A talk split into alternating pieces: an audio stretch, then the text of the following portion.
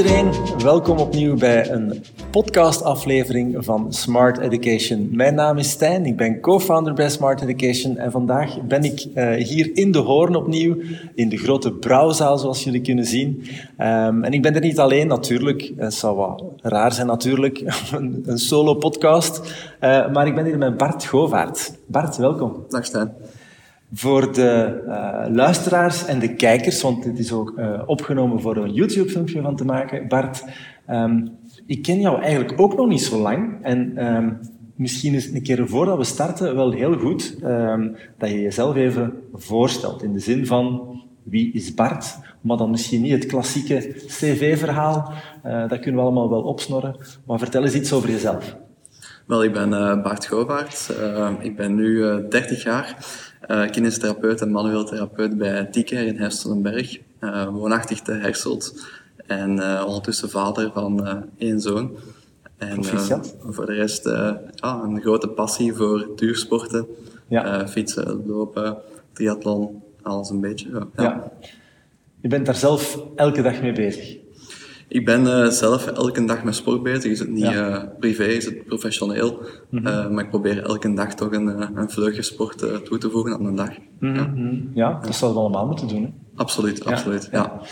Maar je ziet dan ook de vele voordelen van sport en bewegen. Maar je ziet ook wel in de praktijk wel wat blessures, zij het door overbelasting, zij het door trauma. Zeker als het gaat over wielrenners. Hè? Um, want daarom hebben we jou hier ook uitgenodigd als toekomstig docent bij Smart Education zal je uh, op het uh, Fysiovelo-event ook een bijdrage leveren, maar straks daarover meer. Um, maar er wordt wel wat gevallen zo hè, in het wielrennen. Ja, het is uh, momenteel de laatste twee weken ook een enorme topic in de media. Ja. en inderdaad, het hoort erbij, de valpartijen. Ja, maar is daar geen evolutie dat dat toch toeneemt? Heeft dat dan met de nervositeit te maken? Heeft dat met de organisatie die misschien steken laat vallen ook te maken? Of? Wel, ik denk dat uh, het, het, belangrijkste is uh, de input van de media. Omdat ja. uh, er is veel meer aandacht voor. omdat ik ook weet dat er uit allee, wetenschappelijk onderzoek er zijn studies die vergelijken door in de jaren. En momenteel blijft dat eigenlijk per aantal deelnemers blijft dat gelijk, het aantal valpartijen. Ah, ja. Dus dat is... Wat wordt wat meer uitvergroot? Het, ik denk dat het inderdaad wat meer uitvergroot wordt. Uh, tegenwoordig zijn er ook veel meer camera's in de wedstrijd. Uh, ik denk ook dat mensen daar, uh, dat een deel van het spektakel is, dat er ook wel wat meer wordt op ingezoomd dan vroeger. Mm. maar ja, statistisch gezien wordt er niet meer gevallen dan vroeger. Ik denk wel dat er nu spectaculairder wordt gevallen, als spectaculairder in beeld wordt gebracht. Ja, ja. Uh, en dat er meer wordt rondgedaan. Ja, dat ja, dat, dat, wel belangrijk is. Het zijn verhalen die zo een tijdje meegaan ook. Hè? Een paar... Ja, en die verhalen gaan ook een beetje hun eigen leven leiden. Dat wordt dan ook weer gevoed doordat ze het al, bijvoorbeeld dit, deze keer hebben ze het al wat aangekondigd op voorhand, vind ik mm. zelf. Dus we waren al een week voor de tour bezig van het gaat gevaarlijk worden. En ja, ja, en dan uh, gebeurt dat natuurlijk uh, zoals verwacht, want uh, het parcours was uitgetekend ja, voor spectaculair begin te krijgen. Ja, ja. En, dat is, hebben we gekregen. Het is uitgekomen. ja, ja, het is uitgekomen. Wel, je hebt het daar nu over de Tour. Hè. -hmm. um, jijzelf bent ook lang begeleider geweest bij Lotto Soudal. En jij hebt zo dat wielercircus ook wel van dichtbij wat kunnen meemaken. Um, kan je daar zoiets over vertellen? Wat moeten we ons daarbij voorstellen? Wel, uh, ik heb eigenlijk uh, vijf jaar lang als uh, manueel therapeut voor Lotto Soudal gewerkt. Ja. En ja, het is op zich een, een, een groot circus. Het is een heel speciale wereld. Daarmee bedoel ik, het is eigenlijk een rondreizend gezelschap. Hmm. dat eigenlijk ja, echt van, van stad tot stad trekt. En uh, eigenlijk één, één grote familie vind ik het, die, ja. die eigenlijk moet samenleven en die moet goed overeenkomen. Hmm. Uh, maar je hebt, je hebt de Giro en de Vuelta pakken Ja, dus eigenlijk uh, dat ging van in het begin 80 contractdagen tot op het einde 140 contractdagen per jaar. Dat was je weg? ja, ja, dat was effectief ja, dagen in dienst van de ploeg. Ja. en dat ging dan van stages in december, januari uh, tot de voorbereidingswedstrijden, verkenningen uh, en dan de grote rondes, uh, kleinere rondes, ja. klassiekers. Ja, ja, Eigenlijk was dat heel, heel breed. Ja. nu, ik heb daar zelf mij ook altijd in afgevraagd, vond dat wel boeiend om, om dat misschien een keer van, van dichtbij te kunnen meemaken. Um, Maar als ik mij nu zo in jouw plaats zou zetten en ik, ik kan door jouw ogen kijken, hoe zou dan mijn dag starten en wanneer eindigt die, zo'n dag in een grote ronde? Is dat van de eerste minuut tot de laatste minuut constant bezig zijn? Uh, en wat zijn dan de taken die een, een manueel therapeut in dit geval allemaal erbij krijgt? Want ik denk niet dat het alleen maar ja, het hangt eigenlijk een beetje vanaf wat de definitie is van bezig zijn. Uh, Dus uh, wat ik bedoel is, s morgens gaat de wekker sowieso vroeg. Uh, daarmee bedoel ik en zeven uur bent je altijd uh, uit bed. Mm. En dan uh, begint de dag eigenlijk met een, ontbijt, uh, waarbij de ploegen meestal het heel belangrijk vindt, allee, vinden dat je toch wat communicatie is tussen de verschillende teamleden. Dus ze staan er echt op van samen te ontbijten. dus dat wil zeggen dat eigenlijk ja, als de renners om negen uur gaan ontbijten, dan waren wij meestal een acht uur aan de beurt, zodat wij op voorhand al wat dingen konden overleggen, de dag is overlopen. Hmm. Uh, en dan eigenlijk dat wij ons ontbijt al gehad hadden van het moment dat de renners wakker waren. Zodat je eigenlijk vanaf het moment dat de renners ook ja, wakker zijn, dat je dan helemaal in functie uh, kunt hmm. zijn van hun. En dan uh, na het ontbijt wordt er nog wat gerust uh, voor de renners dan. Ja. Uh, wij moeten dan inpakken en zien dat alles ja, op de camion staat omdat uh, de camion vertrekt meestal een uur voor uh, de renners en de staf naar de wedstrijd. Mm. Omdat die al naar het volgende hotel gaan. Ja, ja. Uh, dus, en dan meestal rond 11 uur vertrekt je uit het hotel. Ja, maar s'morgens zijn er geen behandelingen meer? S'morgens zijn er alleen behandelingen als het echt... wondverzorging? ja, voilà, wondverzorging door de dokter. Ja, En dan als er zware valpartijen zijn geweest, kan het gebeuren dat wij s'morgens nog moeten behandelen. Maar meestal gebeurt dat dan in de bus. Dus, ah. uh, ja, dus eigenlijk, ene keer dat je uit het hotel bent, vertrek je naar de koers.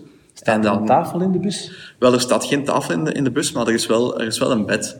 Uh, dus dat wil zeggen eigenlijk, als je echt nog moet naar een manipulatie gaan of een echte behandeling, dan gebeurt dat dikwijls nog in het hotel of soms op dat bed in, in de bus van achter. Hmm. maar de meeste dingen gebeuren dan gewoon ja, in de bus uh, ja. uh, in, de, in de laatste twee uur voor de wedstrijd. Hè. Ja. Dus dan meestal twee uur voor de wedstrijd komt je aan uh, bij, het, allee, bij de start. En dan heeft iedereen zijn taak van... Allee, voor ons was het dan puur zien dat er bepaalde renners nog getaped werden. Naar de rug, naar de knie toe, als er problemen waren. vooral als ze iets nodig hadden, dat je dan wat klaar stond. Want wij waren eigenlijk als manueel therapeut zo wat een vrije rol. Daarmee bedoel ik de verzorgers die moeten uh, bidons klaarmaken, die moeten zien dat de benen ja. ingesmeerd zijn. Dat is uw taak uh, niet? Nee, dat was, uh, dat was de, de voorbije vijf jaar de taak vroeger wel was, maar dat dat nu wel wat uitgesplitst is. Wel, het is, toen als ik erin kwam, was het eerste jaar dat we het... Er waren er geen therapeuten, ja, dat was meer verzorging. Voilà, dat waren eigenlijk verzorgers die wat kinetaken op hun namen. Ja. En dan uh, de vijf jaar dat ik wat meegedraaid heb, hadden wij eigenlijk echt het geluk dat wij alleen maar ons taak als manueel therapeut moesten doen. Ja. En eigenlijk ook het leuke was dat wij mee konden uh, met de dokter. Uh, ja. Wat mee, mee denken, mee taken ja. uitvoeren. Dus eigenlijk echt mee als medische staf. Mm. en dan nu, als ik er dan uit ben gegaan, want momenteel werk ik alleen nog in de praktijk voor de wielrenners, mm. is eigenlijk omdat de budgetten gaan achteruit. Uh, dus uh, dat was ook in het wielrennen was dat ook niet anders. Dus daar kwamen verschillende taken bij, waardoor ik persoonlijk vond dat we eigenlijk op het einde meer terug verzorgen waren dan dat je manueel therapeut ja. Ja. En op zich was het dan wel gewoon de spijtig. De uitdaging was dan toch wel wat minder. Ja, de uitdaging was wat minder. En, en, ja, en dan de echte taken waarvoor je in dienst bent, die komen dan wat minder aan bod. En dat is natuurlijk spijtig. Ja, ja. Nee, oké, maar ik denk de, de, het, het, grootste accent van uw taken lag dan waarschijnlijk als de renners terug binnen waren na de finish op het hotel. Ja. Dan zie je ze één voor één, uh, komen ze dan eens langs. Ja. Of wordt dat, daar ook, dat wordt daar dan ook opgesplitst naar verzorging en naar... Uh... Wel, ene keer als de aankomst uh, gebeurd is, dan komt er eigenlijk op neer van zo snel mogelijk in het hotel te geraken. Ja. En dat is eigenlijk een aspect dat ik heel allee, mooi en zo, allee, maar ook zwaar vind aan het wielrennen maar eigenlijk, van het moment dat jullie de tv afzetten, gebeurt er eigenlijk, dan begint de actie. Ja. dus dan is eigenlijk, eh, dan probeert je zo rap mogelijk renners te verzamelen. En dat gaat dan verzorgers proberen hun renners mee te krijgen, want dan kunnen ze sneller beginnen met, met masseren. Ja. Wij net hetzelfde, wij proberen net de renners die gevallen zijn, zo rap mogelijk weg te krijgen van het parcours. Hmm. En dan eigenlijk uh, zo rap mogelijk naar het hotel. Mm om dan eigenlijk ja, de behandeling te kunnen starten. Ja. Uh, eenmaal dat wij aankomen in het hotel, is het wel, staat alles klaar. Dus dan staat de tafel al klaar. Dat is allemaal gebeurd door iemand. Ja. Nog voordat er gegeten wordt. Voilà, ja, sowieso. Dus het eten is altijd pas als, als, op het einde. Eh, maar ja, het is, wat mensen vergeten, dat dikwijls twee uur rijden na een rit is geen uitzondering. Ja, omdat als jij kijkt naar de, de polletjes van de aankomst en het vertrek, die liggen altijd tamelijk ver uit elkaar. Hmm. Dus ofwel heb je s'morgens je verplaatsing, omdat je slaapt dicht bij de aankomst, ofwel heb je eigenlijk de dag ervoor je verplaatsing. Hmm. Moet naar, kiezen, ja. Moet kiezen, ja. naar het, ja, en dan ze proberen dat wat evenredig te verdelen. Ja. Eh, maar eh, ja, dat is altijd iets dat vergeten wordt en wat toch een heel zware belasting is voor de renners. Ja, En als je dan nog 120 kilometer in de auto moet zitten ja inderdaad. en dan het eten is meestal ja, S'avonds ja, tegen 9 uur, 10 uur. Ja, Ja, dat zijn zo wat de momenten dat ze kunnen Zie eten. dan, daarmee weten we dat ook is. Hè? Ja. En wat is uw mooiste herinnering aan die periode? Eh, mijn mooiste herinnering is eigenlijk zowat de, eh, ja, de, de overwinningen, toch wel. Hè? Eh, het reizen. Ja. Bijvoorbeeld naar Israël, de Ronde van Italië die in Israël start. Ah, ja. Dat is eigenlijk gewoon dat je dan een keer mocht meemaken van Ja. ja, wat er allemaal kon bekijken. En de Ronde van Italië in Israël. En dan, eh, ja, dat zijn wel speciaal dingen. Zeker als je dan ook nog naar daar gaat voor eigenlijk de roze trui te veroveren met Victor Kampenaerts toen. Mhm. Dat was eigenlijk het grote doel. Eh, en voor de rest, wat mij altijd bijgebleven is, zijn de overwinningen met Thomas de Gent. Omdat die altijd wel speciaal waren. Dikwijls als eh, manueel therapeut zit je ook altijd in de tweede wagen. Ja. Dus dat wil eigenlijk zeggen, de dokter zit achter het peloton. Ja. En wij zitten eigenlijk als medische afgevaardigden eigenlijk achter de tweede auto. Ja. En dat is de auto die ook altijd meegaat in de ontsnappingen.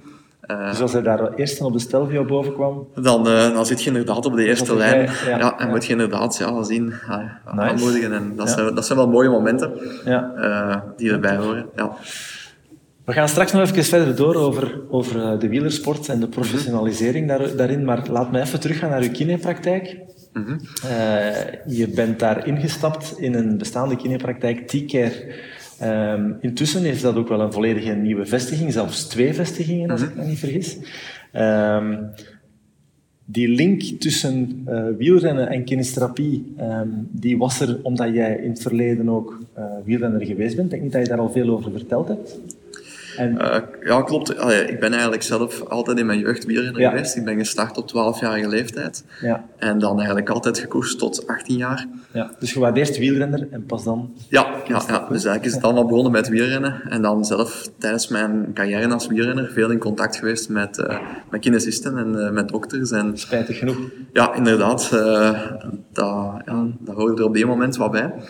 En eh, vooral omdat ik, ik had veel last van, mijn, van rugpijn eigenlijk. Dat was eigenlijk de grote reden dat ik altijd in contact kwam met de dokters en met de kinesisten. En van daaruit is eigenlijk die, eh, dat wat gegroeid om zelf ook eh kinesist te worden. Ja. En dan mijn collega Tim Aerts, dat is ook mijn uh, vernoot in de praktijk, die was eigenlijk in 2007 al begonnen met de praktijk in IJsseldenberg. En hij was heel veel bezig met wielrenners, omdat uh, hij zat zelf al in het veld rijden. En dan uh, via Jurgen van der Broek zijn wij dan eigenlijk binnengekomen bij, bij Lotto Soudal. Ja. En dan in 2014 uh, ben ik dan daar vernoot geworden. En hebben we dan eigenlijk nu bij de praktijk uitgebouwd tot uh, ja. een praktijk inderdaad met twee vestigingen. Ja. Waarbij we vooral musculoskeletale aandoeningen uh, mm. behandelen. Maar we hebben ook nu kort een nieuwe praktijk voor neuromotorische revalidatie.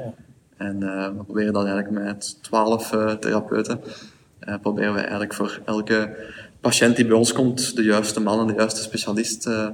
bij die patiënt te krijgen voor zijn aandoening. Mm -hmm. Dat is eigenlijk het grote doel. En hoe zijn uw ervaringen als ondernemer dan? Als ondernemer, uh, ja, ik vind dat een heel interessant aspect dat erbij komt kijken. Uh, mm. Ik vind dat binnen onze sector ook wel een heel, moeilijk, heel moeilijke balans. Omdat eigenlijk mensen verwachten nog altijd een zorgverlener geen ondernemer mag zijn, heb ik soms de, de indruk. terwijl ze willen allemaal wel een heel mooi gebouw. Ja. waar ze in komen revalideren. Ze willen dat alles heel netjes, heel proper is. maar wat mensen altijd vergeten is dat dat heel veel geld kost. Ja. ja. En, ja. Uh, en dat dat dikwijls niet altijd makkelijk is binnen onze sector, omdat wij nog altijd heel veel afhangen van het RISIF. Mm. En daarin moet je tegenwoordig toch wel, uh, ja. als je een hedendaagse praktijk wilt, heb je veel ruimte nodig, je hebt, je hebt goed oefenmateriaal nodig. Mm. Je hebt uh, parking, eigenlijk een secretaris heb je ook nodig, ja. die alles in goede banen leidt. En zeg, hoe komt dat dat we dat eigenlijk dat dat iets is dat heel vaak terugkomt. Hè? Wij horen dat binnen Smart Education ook heel regelmatig. Wij vinden het ook heel belangrijk om daar aandacht aan te besteden. Om, ja, om ook aan te geven, we hoeven niet bij de pakken te blijven zitten. Hè? Uh, eerder niet de beperkingen zien, maar de mogelijkheden. Uh, hoe hebben jullie dat aangepakt in de praktijk? Hoe dat wij het aangepakt hebben, is eigenlijk, we hebben altijd proberen te focussen op onszelf eigenlijk. Omdat uh, als ik naar opleidingen ga, dan kom ik heel vaak tegen dat collega's aan tafels middags tegen elkaar ja, zeuren en, en, en, en, zagen eigenlijk over ja, onze honoraria zijn zo laag en, en dit en dat.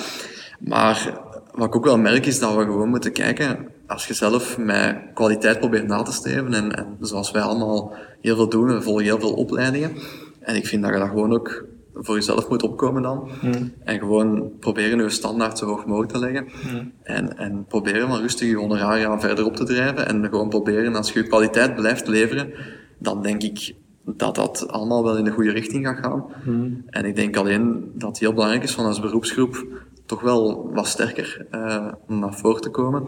En, dat we, en, en dat Axon meer, allee, meer toegankelijk en allee, ze, ze moeten meer zien dat we op de eerste rij komen. Allee, we gaan nooit op de eerste rij komen met RISIF, maar ik vind dat de kloof momenteel tussen terugbetaling en uh, het tarief bij de kines, dat wordt gewoon te groot, vind ik persoonlijk. Voor de mensen, dat wordt een heel kostbaar, kostbare zaak. Uh, als je drie keer per week naar de kine moet, dan kost je dat ja, vrij veel geld. Uh, en ik vind dat daar ergens, ja, daar moet, daar moet aan gewerkt worden. Ik denk dat er veel collega's nu denken, Bart Govaerts voor president.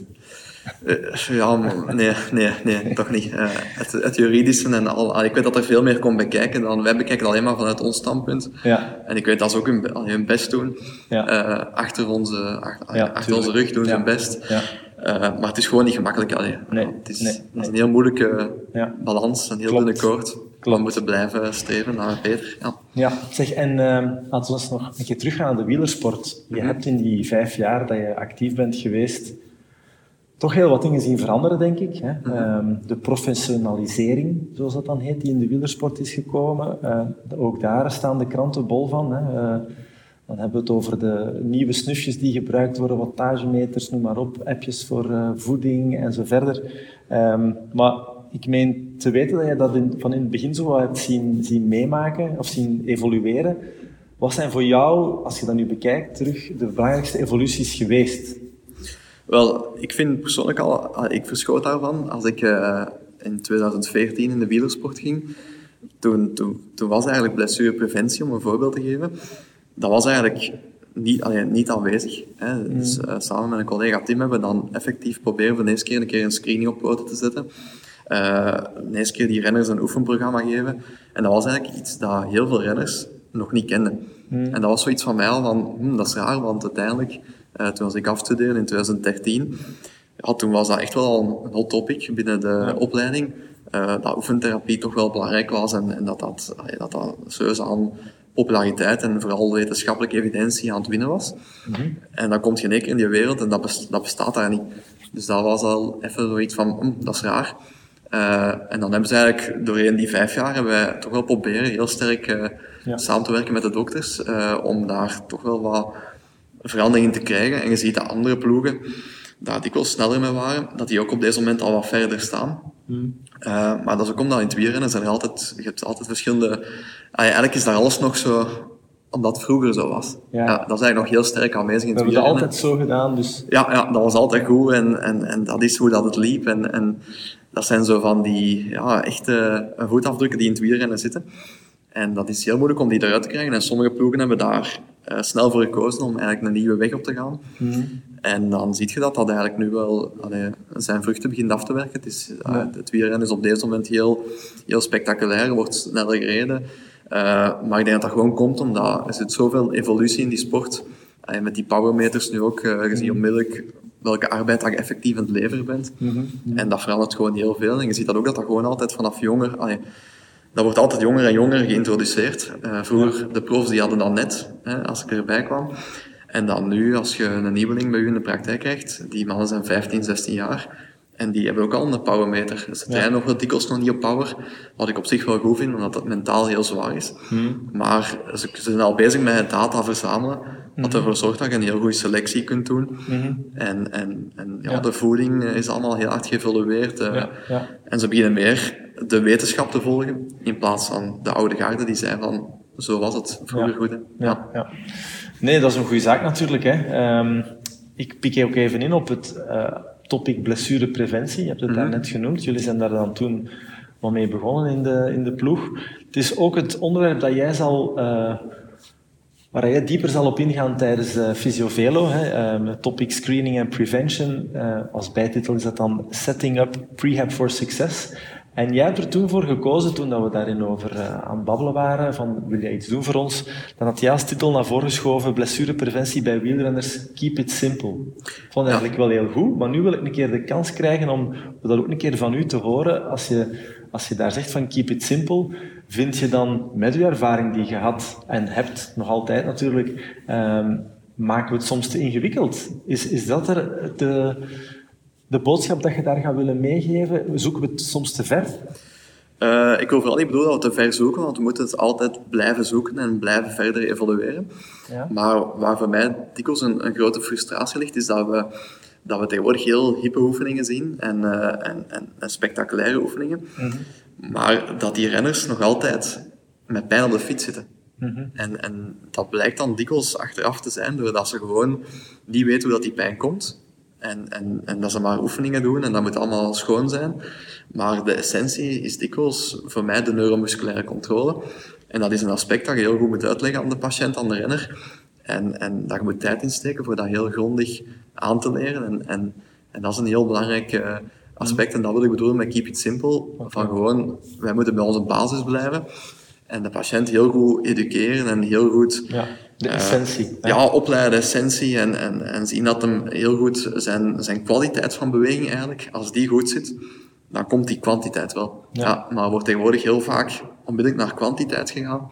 Ja. En dat is, dat is eigenlijk wel... Ja. Um, dat wil ik bedoelen met keep it simple. Ja, echt, echt, op kwalitatief werk leveren. Zorg dat de basics goed zijn en gaat dan pas daarna over naar wat meer fancy oefeningen als extraatje. Niet zo, voilà, niet voilà. omgekeerde weg. Ja, ik denk inderdaad dat we heel lang moeten proberen van blijf in die, in die, in die standaarden en blijf daarop benadrukken op die details. Ja. En dan, ene keer dat de renner zijn details onder de knie heeft, dan kun je zo ver gaan als je wilt. Ja. Uh, om hem wat uh, uitdaging te geven en hem onplezant te houden.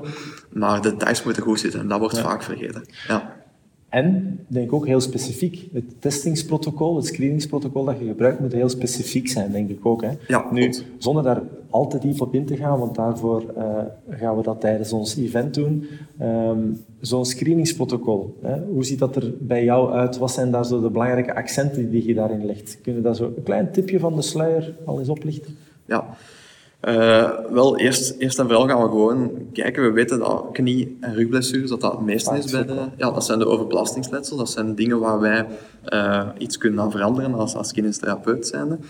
Uh, en wat dan belangrijk is, dat we gewoon gaan kijken van welke testen zijn effectief al evidence-based voor het, voor het vinden van risicofactoren.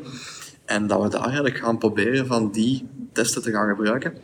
En, en daar ons vastgrijpingspunt te gaan zoeken voor eigenlijk de, de verdere interventies die we gaan toepassen op de, op de renner. Ja. ja. Er is natuurlijk een vervolg op dat protocol, het afnemen van die testen, dat is dat klinisch redeneren. Mm -hmm. um, ik denk dat dat toch ook heel belangrijk is. Wel, ik denk dat dat superbelangrijk is, dat we onze eigen input blijven geven. Ja. Uh, ik heb heel lang gewerkt met bepaalde tools om eigenlijk uh, uh, blessurepreventie af te nemen. En op zich zijn die tools heel goed, die zijn heel wetenschappelijk onderbouwd. Maar ik vind het nadeel altijd, je wordt eigenlijk een soort van eh, persoon die gewoon getalletjes gaat ingeven. Uh, en uiteindelijk klikt je op oké. en daar komt een heel protocol uit. Hmm. Maar je houdt geen rekening met de renner. Uh, je houdt geen rekening met zijn verhaal, met zijn voorgeschiedenis. Uh, en dat vind ik soms wel, wel wat spijtig. Uh, bovendien, als je dat allemaal wilt perfect afnemen, mm.